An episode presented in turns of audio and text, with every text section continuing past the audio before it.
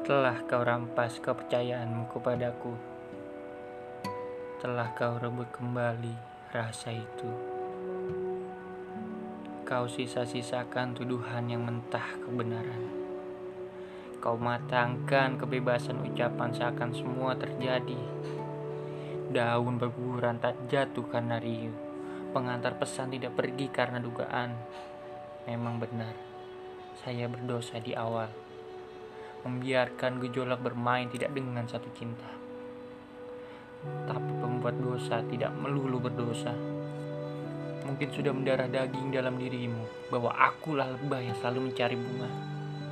Untuk apa tetap mendirikan bangunan tanpa ada pondasi yang kuat? Untuk apa kita tegakkan pohon tanpa ada akar yang mengikat pada bumi? Untuk apa kita mempertahankan tanpa ada rasa percaya?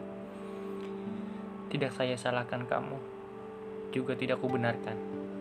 Hanya masalah waktu dan Tuhan yang belum mengizinkan, atau mungkin tidak lagi diberi kesempatan. Seperti inilah akhir buku kita. Tolong jangan kita baca kembali. Akhirnya akan tetap sama.